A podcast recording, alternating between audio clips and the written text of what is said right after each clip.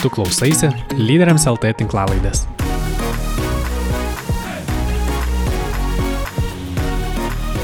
Sveikas, brangus klausytojų.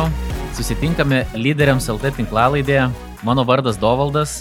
Esu Lyderiams LT organizacijos vadovas, kur kartu su komanda įgyvendiname pasaulinę lyderystės konferenciją ir kitus lyderystės renginius. Mano tikslas yra palydėti tave lyderystės kelionėje, pasidalinti išvalgomis ir svarbiausiai įkvėpti tave veikti. Kiekvieną pirmadienį naują laidą gali išgirsti po 18 val.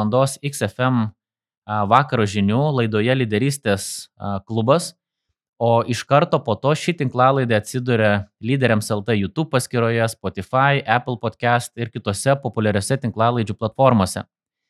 Na ir praėjusią kartą dalinausi apie organizacinę kultūrą, jos svarbą bei konkrečius patyrimus, kaip galima formuoti arba keisti kultūrą.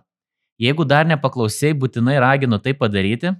Na, o šiandien mes tęsėme organizacijos kultūros temą ir man labai smagu, jog tai galiu daryti su savo bičiulė Diana Blažaitinė, kuri dabar pasiruoš, kol išvardinsiu viską, kuri yra Soprano personalo atrankų įmonės ir bendrasavininkė ir vadovė Minibos vaikų verslumo ir finansinio raštingumo mokyklos Lietuvoje įkūrėja bei vadovė. Lygiai taip pat yra aktyvi BNI klubo narė, bei jeigu neklistu, vieną iš jų ir įsteigė. Tai Diana, tu esi aktyvus žmogus, labai smagus tavim sveikintis, labas. Labas, Dovaldai, sveiki klausytojai. Ir neriant iš karto į temą, Diana, tu su skirtingom organizacijom susiduri kiekvieną dieną pasidalink, kaip matai skirtingas organizacijas tu ir, ir, ir jų skirtingas kultūras. E, iš tiesų, aš dabar kaip niekada matau labai didelį pokytį, kuris vyksta organizacijose ir ypatingai Lietuvoje, nes e, dažnai būdavo, kad mes, e, na, imdavome pavyzdį iš įvairių pasaulio šalių, galbūt artimesnių mums Skandinavijos šalių ir bandydavome tai įgyvendinti. Amerikos kultūra buvo labai populiari tokia, kuri diktuoja organizacinių tendencijų, madas ar ne, tendencijas. Ir e, matau, kad dabar dėl e, karantinų mes pereiname į kitokią discipliną darbę, taip pat pereiname ir ta pati kultūra formuojasi ir taip pat į Lietuvą ateina ir na, darbuotojai iš kitų šalių, kas vėlgi kultūriškai daro įtaką. Na, manau, tą pokytį kiekvienas jaučia savo organizacijoje dėl to, kad jis, na, yra neišvengiamas. Aš pati matau vėlgi tokį patį dalyką ir pastebiu, kad anksčiau būdavo įmonės, kurios ieškodavo darbuotojų būtent pagal įgūdžius. Tačiau vėlgi ir rinkoje esantis, esantis situacija darbo rinkoje ir, ir, ir, ir taip pat kiti veiksniai įtakoja, kad vadovai plečia šiek tiek tą savoką, kai ieško darbuotojų ir ieško darbuotojų pagal asmeninės savybės, labiau minkštuosius įgūdžius, negu kad tik pagal tam tikrą sritį, e, dėl to, kad e, Paimkime labai paprastą pavyzdį. Logistikos vadybininkas e, yra daug logistikos įmonių ir gali būti žmogus su patirtimi, bet vėlgi asmeninės savybės nulėmė to žmogaus pasirinkimą. Ir kartais gali būti, kad žmogus turėdamas tam tikrus įgūdžius, na, kultūriškai nepritampa organizacijai. Tai yra nemažas iššūkis, kaip atrasti tą darbą kartu. Ir kitas dalykas, ką aš dabar irgi pastebiu tiek iš kandidatų pačių užklausų, kad yra nemažai žmonių ir turbūt kaip niekada daug tokių, kurie keičia savo darbo pobūdį. E, karantinas, tas buvimas namuose, užsidarius, leido suprasti, ką mes darome, galbūt e, ko nenorime daryti, arba pamatyti savo darbą visiškai kitaip ir suvokti, kad mes jį galime dirbti galbūt netgi ir iš bet kur kitur, negu kad čia būtinai ofise būnant ir būtent tą darbą. Tai vis dažniau yra tokių užklausų, kaip aš galėčiau sužinoti, kur man daugiau sekasi ar ne, kur aš galėčiau dirbti, nes e, vėlgi iš ankstesnių laikų, kaip e, ko gero ir tu dovaldai pameni, būdavo populiarios tam tikros specialybės, jos būdavo kai kurios prestižinės, kai kurios tiesiog pagal tam tikrus metus yra daugiau tam tikrų ir specialistų.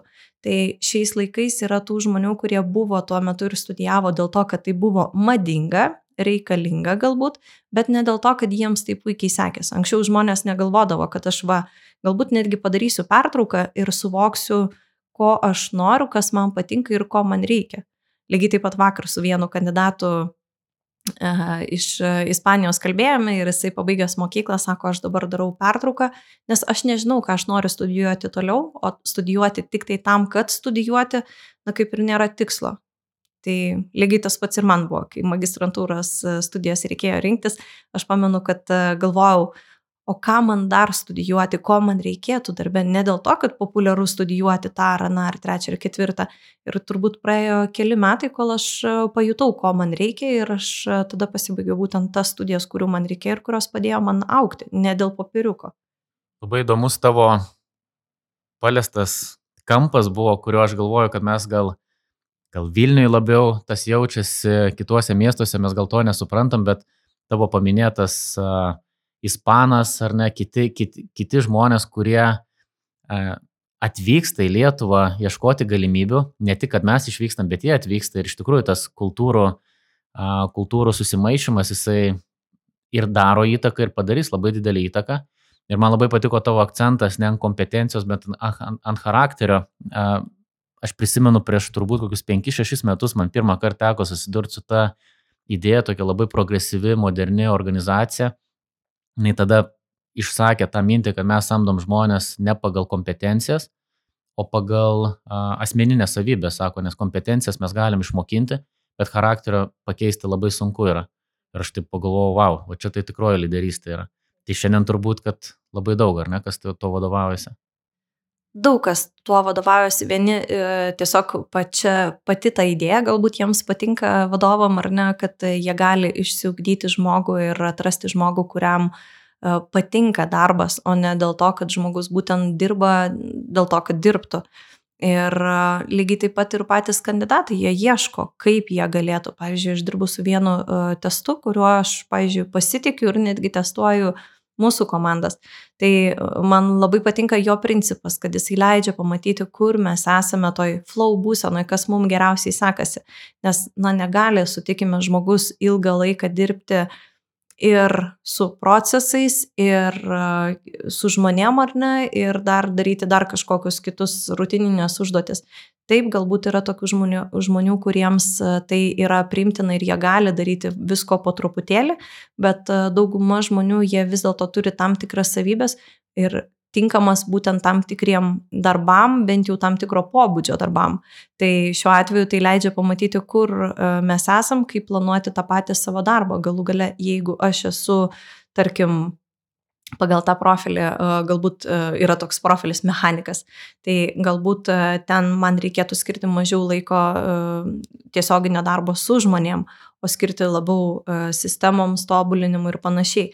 Arba atvirkščiai, žmogus, kuris turėtų dirbti su žmonėmis, turi na nežinau, išrašinėti sąskaitas ar ne ir ten daryti kažkokius techninius dalykus ir tai nėra jo arba jos ir dėl to atsiranda klaidos. Ir, pažiūrėjau, kaip vadovai sako, nu taigi tu puikiai darai, e, bendrauji su žmonėm, darai pardavimus, aptarnauji klientus, tai kaip tu čia sąskaitų negali išrašyti. Čia toks realus buvo pavyzdys.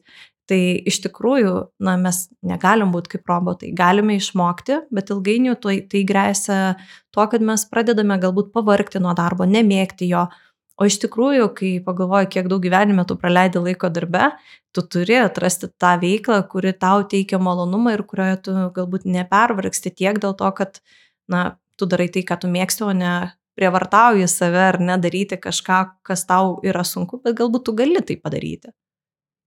Tikrai labai gerai tu užakcentavai ir, ir iš tikrųjų šiandien tas laikotarpis uh, talentams Mes girdim tą žodį nuolatos - talentai, talentai, talentų trūkumas. Tai nežinau, kaip apibrėžti, kas yra talentas, turbūt mes visi turim talento, bet talentams yra puikus, ar ne talentų visi ieško. Kokią kandidatams įtaką daro ir jų pasirinkimui organizacijų kultūra, ar jie kreipia tai dėmesį, ar svarbiausia, kiek moka ir, ir, ir kas bosas, ar, ar užduoda tokius klausimus kandidatai ir domisi apie tai. Deja, yra tokių kandidatų, kurių pirmas klausimas, kiek moka.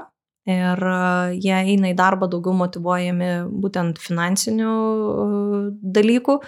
E, bet yra ir tokių, kurie, kuriem ne tik darbo užmokestis yra svarbus, bet jie taip pat ir pasidomi, o kokia yra atmosfera. Jie galbūt suvokia, kad, pavyzdžiui, na, žmogus ne visada galbūt ir ta pati įmonė pasakys, ar ne kokia ta atmosfera yra tenai. Vėlgi labai priklauso nuo to, kieno tu paklausi. Vadovas galbūt sakys, oi, čia viskas yra puikiai ir gerai ir gražu, bet jeigu tu paklausi ten dirbančių toj pozicijai kolegų, galbūt jie pasakys, atsakys kitaip. Tai anksčiau būdavo dar netgi ir populiaru e, pasiteirauti Facebook'o grupėse įvairiose, gal dirbate kažkas ten ar ten, kokie atsiliepimai yra ir panašiai.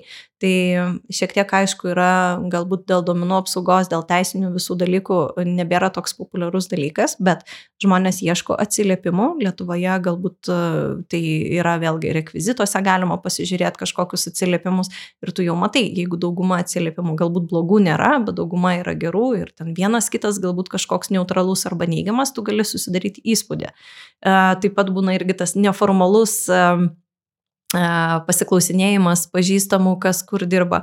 Irgi kandidatai kartais sako, aš pažiūrėjau linktinę, kas dirba ten iš mano draugų, pasižiūrėjau Facebook'e, pasiklausinėjau, ar ne tokius tarsi namų darbus padaro. Bet būna ir tokių, kurie sako, man nėra svarbu, kodėl aš ten turėčiau labai gilintis į tą pačią kultūrą, man svarbu mano sąlygos, aš ateinu dirbti ir man ten nėra netgi galbūt svarbi komanda, aš uh, dirbu kažkokį labiau individualesnį darbą, tai nėra komandinis toksai.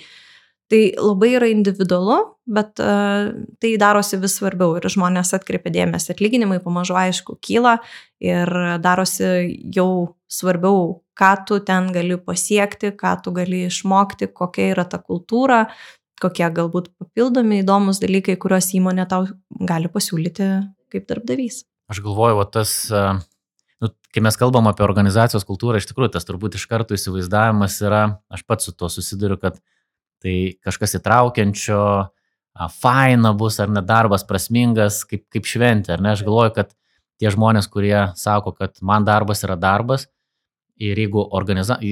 jam labai svarbu surasti tokią organizaciją, nes tai irgi yra kultūra, kai mes ateinam į darbą dirbti.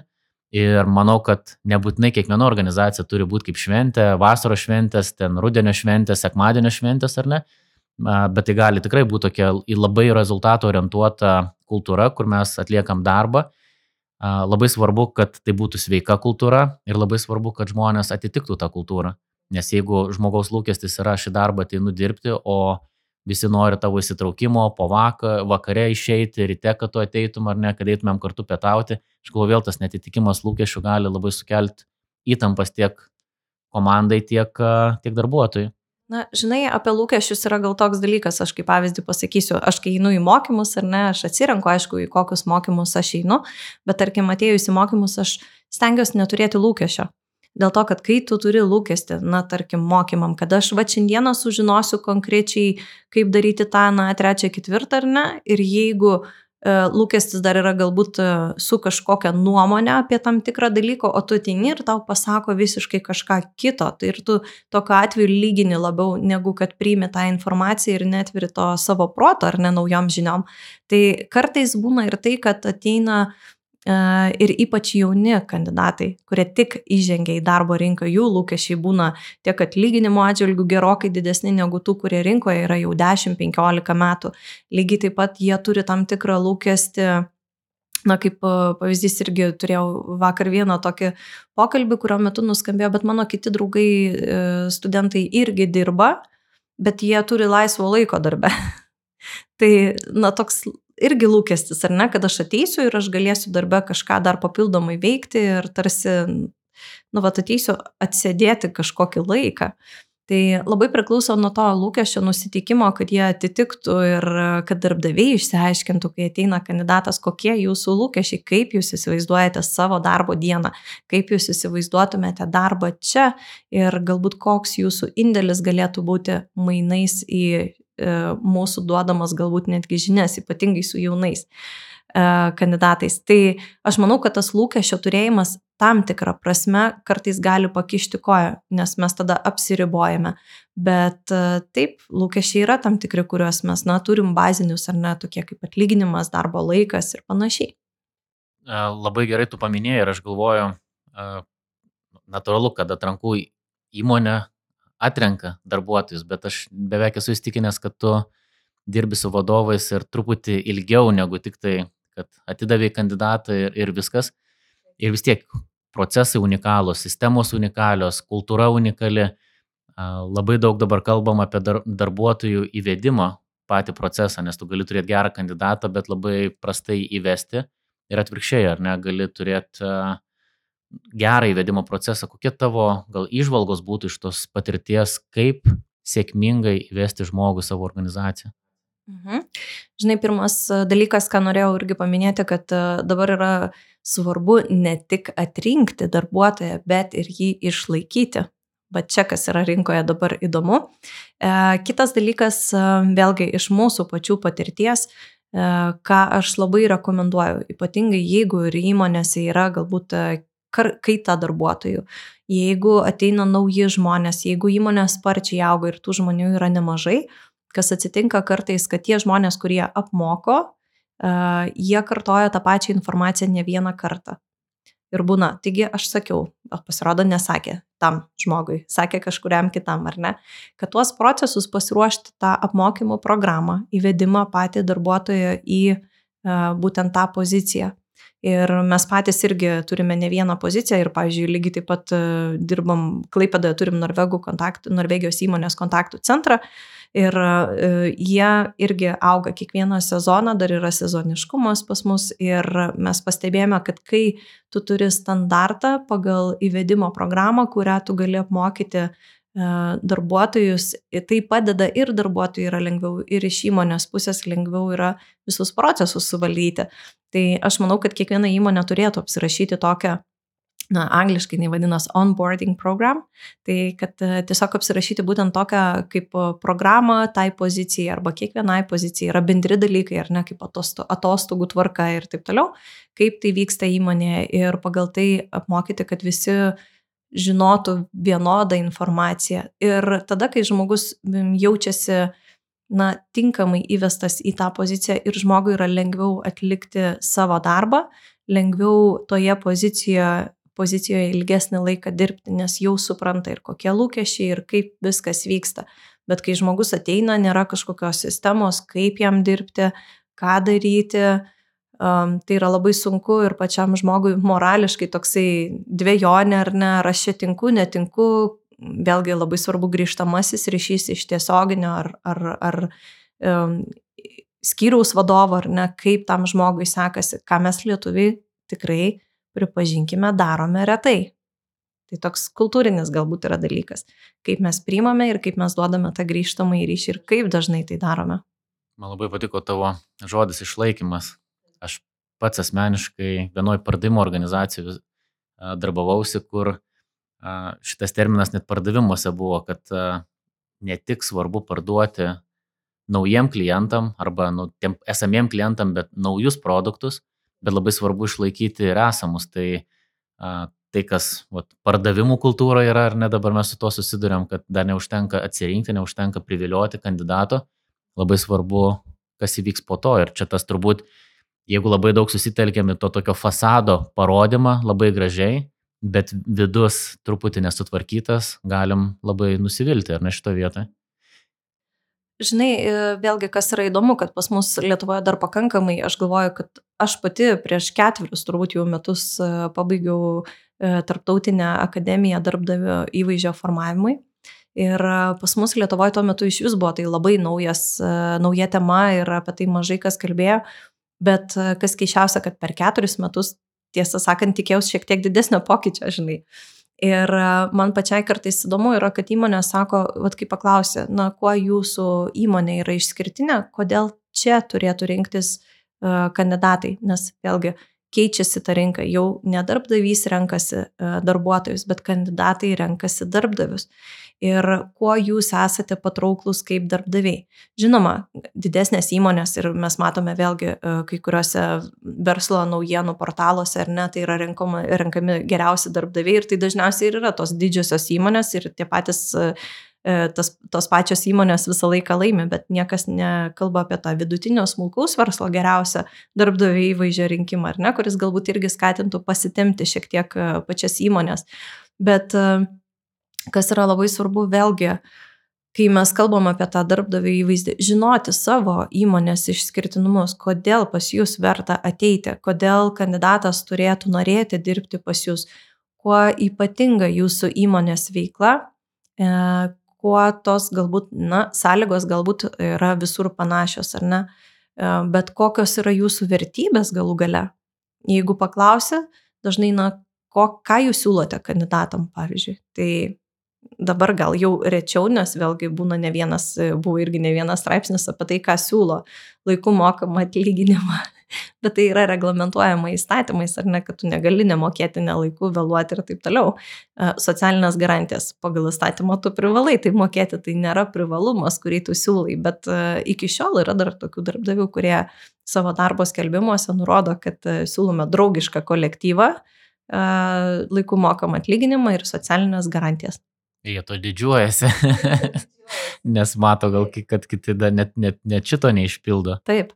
Na, iš tikrųjų tai yra darbas. Tai yra sunkus darbas atrasti savo tą unikalumą kaip darbdaviui ir iškomunikuoti jį. Tai yra ta pati komunikacija ir tą dalyką, ko gero geriausiai gali įvardinti patys darbuotojai. Bet labai mažai kas klausia, kodėl jūs rekomenduotumėte e, savo draugam arba kitiem dirbti pas mus. Nes daug kas irgi įsivaizduoja, kad darbdavio įvaizdis yra apie socialinių tinklų reklamą. Kaip aš ten atrodysiu, kad graži svetainė, kad gražus Facebook'o e, puslapis, LinkedIn paskyra ir panašiai. Bet tai yra daug giliau. Aš galvoju, kad gali būti, kad klausytojai arba klausytojas arba klausytoja, kuri klausosi, gali pasirodyti, kad tai vis tiek tokia privilegija didesnių organizacijų, bet aš galbūt nedideliam miestelį turiu nedidelę įmonę ir kam, kam man tai svarbu. Ir mes iš tikrųjų su tuo labai daug susidūrėm prieš 12 metų, kai pradėjom pasaulio lyderystės konferenciją. Ir jau tada mūsų konferencijoje mes kalbėjom tiek apie tokias bendrasmeninės lyderio savybės, kaip pavyzdžiui, kad lyderis bijo, lyderis yra neužtikrintas, yra emocinis nuovargis Ir lygiai taip pat apie tokius komandinius, organizacinius dalykus, kaip komandos narių įsitraukimas, kaip įgalinimas. Tai prieš 12 metų Lietuvoje tai atrodė kaip kažkas tokio, nu, vat, iš Amerikos, bet mes Lietuvoje verslą darom kitaip. Bet aš šiandien suprantu vieną dalyką, aš atsidarau CV ir matau, kad, pavyzdžiui, gimimo data 2000-ieji ir vėliau, ir aš galvoju, taigi čia dar kūdikis ar ne, bet jiems jau 20 ir daugiau metų ir tai ateina nauja karta ir jie daro spaudimą ir organizacijų pokyčiam. Ir aš vad galvoju, tu truputėlį tą paminėjai, ar kaip organizacijos su tuo susiduria, nes vadovai daugelis dar yra truputį kitos kartos, nauji darbuotojai yra visiškai kitokio suvokimo arba akcentus dedantis ant kitų dalykų. Kaip organizacijos su šituo dalyku tvarkosi? Na, čia galbūt ir yra tas lyderystės ar ne įgūdžiai, kiek tu esi lankstus savo komandos atžvilgiu ir kiek tu ne tik komandai sukuri iššūkių ir leidi jiems aukti ir tobulėti, bet ir kaip tu pats priimi tuos iššūkius ir kiek tu pats esi pasiruošęs prisitaikyti ir būti to pavyzdžiu, ar ne? Mes uh, lygiai taip pat, kai kalbame apie amžiaus kartų skirtumus, tai uh, Kartais taip tai gali jaustis, bet vėlgi negalime taip absoliutinti, kad tai yra labai ryškus tas skirtumas, nes lygiai taip pat jauni žmonės gali būti labai subrendę ir elgtis labai profesionaliai, bet lygiai taip pat gali turėti tam tikrą suvokimą apie darbą, kaip, kaip tai atrodo, kaip tai vyksta ar ne. Bet mūsų kaip lyderių pavyzdys turbūt ir yra kantriai jiems parodyti, kaip galima dirbti įkvėpti juos, kad jie mėgtų tą darbą. Nes tikrai labai daug karjeroje turbūt įtakos padaro mūsų pirmieji darbdaviai. Aš prieš pradėdama, prieš 14 metų pradėdama savo pirmąją, įsteigdama prieš savo pirmąją įmonę, dirbau vienoje įmonėje, kur turėjau tuo metu man kaip atrodė beprotiškai griežtą, precizišką, perfekcionistišką vadovą. Bet tai beprotiškai buvo naudinga patirtis ir aš dirbau kelis metus tenai, aš pradėjau dirbti, man atrodo, būdama pirmo kurso studentė, pradžioje pusę etato, po to pilnu etatų greitai. Ir tai buvo beprotiškai gera mokykla. Ir daug dalykų, ko aš tada išmokau, aš stengiuosi išmokyti ir savo kolegas, savo komandos narius. Dėl to, kad tai yra žinios, tai yra perdodama, tu, tai yra požiūris. Kaip tu atliksi tą darbą. Ir aš nekartą girdėjau ir iš tų pačių klientų atsiliepimų, kad, vat, na, pas tave viskas labai gražiai būna tiksliai sudėliota tada, žinai, nusišypsai savo, kad, na va, tai atėjo vis dėlto iš mano to tiesioginio mokytojo, mano buvusio vadovo. Dėl to, kad e, jis man buvo pavyzdys, nors kartais atrodydavo, o Dieve mano, ir vėl, ar ne, dešimtą kartą kažką reikia daryti, perdaryti ir atrodo, taigi gerai buvo, o ten, va, iki perfekcionizmo, atrodo, turi būti kiekvienas e, žodis ir raidė sudėliota. Bet to reikia. Tai yra atsakomybė, tai yra, tai yra tos vertybės galbūt, kurios irgi susiformuoja. Aš, kai tu tą paminėjai, aš iki, iki šiol prisimenu vieną atvejį, kur man teko dirbti vienoje organizacijoje ir iš pagarbos klientam, kurie moka pinigus už mūsų paslaugas, mes visada turėdavom tiek pasiūlymuose, tiek bendraudami su klientais, kai rašom žodį klientas, rašyti iš didžiosios K. Ta prasme, jo neišaukštinant, bet tiesiog parodant pagarbą. Ir net kai aš išėjau, aš iki šiol iš tikrųjų vis užkliūna, kai būna iš mažosios raidės ir aš visada stengiuosi rašyti klientas iš didžiosios raidės. Man tai patiko, tai buvo tikra. Pati organizacija tikrai gyveno šito principu ir tebe gyvena, puikiai tai žinau. Bet va aš netgi tokį paprastą dalyką nešiojuosi savo, bet labai teisingai tu sakai, kad tie principai jie labai stipriai persidoda. Diana, pabaigai, tu, mes kalbam apie kitus, bet tu pati esi sukūrusi, kadangi aš pažįstu keletą tavo darbuotojų, tai žinau, kokią organizaciją tu turi, tai tu pati esi sukūrusi puikią organizaciją, netgi dvi organizacijas, jos kažkiek yra susijusios tarpusavį. Klubas tavo įsteigtas, vėlgi labai lengva nuskaityti, kai tu ateini, kad tai yra puikia kultūra, pasidalink trumpais receptais, ką tu tokio darai, kad uh, vat, tu turi komandą, kuri jaučiasi vieninga, nepaisant to, kad žmonės tikrai dažnai būna pakankamai skirtingi. Netgi irgi šiemet, vat, rūpiučio pabaigoje mes atšventėme 14 gimtadienį įmonės ir tiesą sakant, šią savaitę mano kita įmonė irgi 9 metų gimtadienį šventė. Tai aš e, pati netgi buvau šiek tiek primiršusi ir man atrodo, čia visai nesenai, bet laikas labai greit bėga. Ir jeigu aš tai pažiūrėčiau atgal, kaip aš anksčiau, e, pati žiūrėjau į komandą ar ne, į, į komandos procesus, tai aš pati jaučiuosi labai stipriai išaugusi ir matau dar daug vietų, kur aš galiu tobulėti. Ir manau, kad nėra vieno sėkmės recepto, bet ko gero pirmas dalykas yra, kad tu turi mylėti žmonės. Nes tai yra pagrindas. Jeigu tu su ta meilė ateina pagarba žmonėm, su ta meilė ateina rūpestis jais ir kai žmonės jaučia, kad tu jais rūpinėsi, kad tu esi nuoširdus, e, žmonės irgi nori būti. Žinoma, gyvenime labai daug dalykų keičiasi ir komandose natūraliai, kad vieni ateina, kiti išeina ir tu kartais irgi jautiesi tas toksai, žinai, uh, stabilusis e, toksai, kaip, nežinau, žmogus, kuris ten esi, bet aplinkui tave keičiasi komanda. Ir tai yra natūralu. Ateina žmonės, kuriem galbūt tai ne ta vieta, ateina žmonės, kurie išauga tą vietą. Man labiausiai patinka, kai aš matau, kad žmonės išaugo tą vietą ir kiek jie patobulėja, tai mane pačią labai motivuoja ir man pačiai dalintis, bet vėlgi tai yra individualu ir turi labai pajausti kiek žmogus nori tobulėti, kiek nori tos atsakomybės prisimti. Ir niekada nėra turbūt tokių ribų, kur žmogus negalėtų eiti toliau. O žmogus organizacijų visada gali aukti. Reikia tik parodyti tą iniciatyvą. O kitas dalykas yra, kaip aš ir minėjau, irgi pagarba.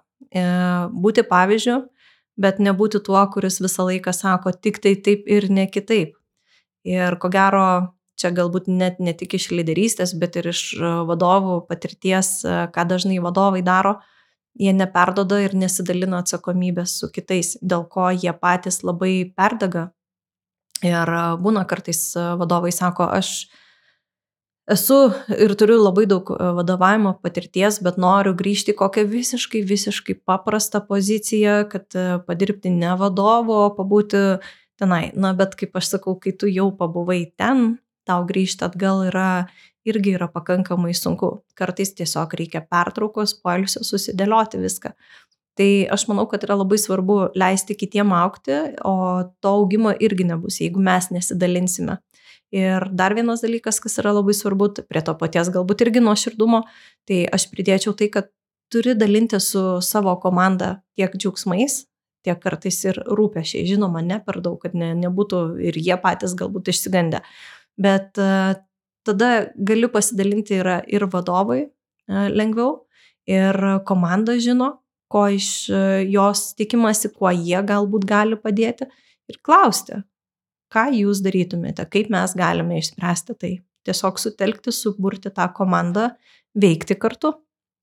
Manau, kad tai yra galbūt tokie nuoširdžiausi dalykai. Bet labai, labai stipru, tai, kad tu paminėjai, tas tikrumas, o aš irgi buvau tą žodį paminėjęs, tai nes jeigu tikra, žmonės greitai tai nuskaito, net jeigu ir yra problemų, visos organizacijos yra problemų, bet kai lyderis, vadovas yra tikras, netgi, va, ką tu paminėjai, atviras, kartai, nu, tai neturi tapti nusiskundimu ir, ir, kaip tu sakai, baimės kultūra, bet kai tu esi atviras, kad kažko nežinai, nes žmonės vis tiek mato. Jie greitai tą nuskaito ir mato, kad tu esi atviras ir jie tada būna atviri. Taip, ir žinai, būna kartais ir kandidatai sako, išeinu, sako, palieka ne, or, ne organizaciją, bet vadovą. Ir kartais tai iš tikrųjų būna tiesa, kartais gali būti dėl tam tikrų savybių, kartais gali būti dėl trūkumo ryšio su pačiu vadovu. Žinoma, galbūt kartais atrodo, kai tu paskesti savo veiklose, savo darbuose, susitikimuose ir, ne, ir, ir, ir visame kame, kartais yra gal sunku, bet tai yra vėlgi abipusis kelias. Ne tik viena pusė turi rodyti iniciatyvą, bet ir kita pusė. Tai ir tie patys žmonės turėtų paklausti, kuo aš galiu padėti, galbūt e, man kažko, kažko trūksta, kur aš galėčiau aukti kaip aš galėčiau prisidėti arba, na, jeigu yra kažkokių idėjų, jomis dalintis, nelaukiant. Kartais yra tekę girdėti, kad, na, jeigu man sumokės už tai daugiau, aš pasidalinsiu kažkokią idėją, kaip kažką patobulinti ar pagerinti. O kitaip, kodėl aš turėčiau tai daryti, tai ne mano darbas. Tai tiesiog apie bendradarbiavimą abipusių, abipusių eismų, ar ne, kad tiek iš vadovo pusės, ir tiek iš darbuotojo pusės tai turėtų būti abipusis supratimas ir suvokimas. Ir galbūt pabaigai, vėlgi, vadovai lygiai taip pat žmonės, kurie turi irgi asmeninių iššūkių, asmeninių kartais rūpešių problemų ir niekada negalima sakyti, kad vadovas turi būti tas, kuris visą laiką puikios nuotaikos, visą laiką žino, ką daryti, visą laiką žino, kur eiti ir taip toliau. Ne, tai yra žmogiška nežinoti, bet taip pat žmogiška norėti sužinoti ir padaryti kažką daugiau. Ką karantino iššūkiai mum ir parodė. Fantastinė. Paskutinė mintis ir, ir Diana, tikrai didelis malonumas su tavim bendrauti. Aš mūsų pokalbio metu dabar pagalvoju, kad mes turbūt pažįstame, esam kokie dešimt metų nuo ratarakto laikų, tai laikas tikrai greitai bėga, bet aš labai džiaugiuosi tavo augimu ir tikrai mintis, tu kuriamis tu pasidalinai, jos labai įkvepia, jos yra stiprios ir labai įkvepia. Ir brangus klausytojai, tikiu, kad tau lygiai taip pat ši laida buvo vertinga ir jeigu taip, tu gali ją, ją ir dalintis tiek Spotify, tiek Apple podcast platformose, gali jas įvertinti. Ir jeigu turi pastebėjimų, pasiūlymų, parašyk man asmeniškai tiek per Facebooką, per LinkedIną, Arba gali padaryti tai ir tiesiogiai, e, tiesiogiai man elektroniniu paštu dovaldas etalyderiams.lt. Na ir susitiksim kitose laidose ir kaip Diana paminėjo, kad vadovas yra žmogus, darbuotojas yra žmogus ir iš tikrųjų mes daug dalykų turim uh, savo prisipažinti, bet lygiai taip pat aš noriu, kad tu savo prisipažintum, kad tu iš tikrųjų turi talentų, tu esi talentas, tu esi gausiai apdovanotas ir visada prisimink, kad pokytis tavo rankose. Iki. Ačiū, kad investuoji savo lyderystę. Jei to dar nepadarai, prenumeruok lyderiams LT tinklalaidės. Naują laidą įkeliame kiekvieną pirmadienį. Pasidalinti komentarais, pasiūlymais, rasti daugiau informacijos ir naudingo turinio gali mūsų puslapyje lyderiams.lt pasvirasis brūkšnys tinklalaidę.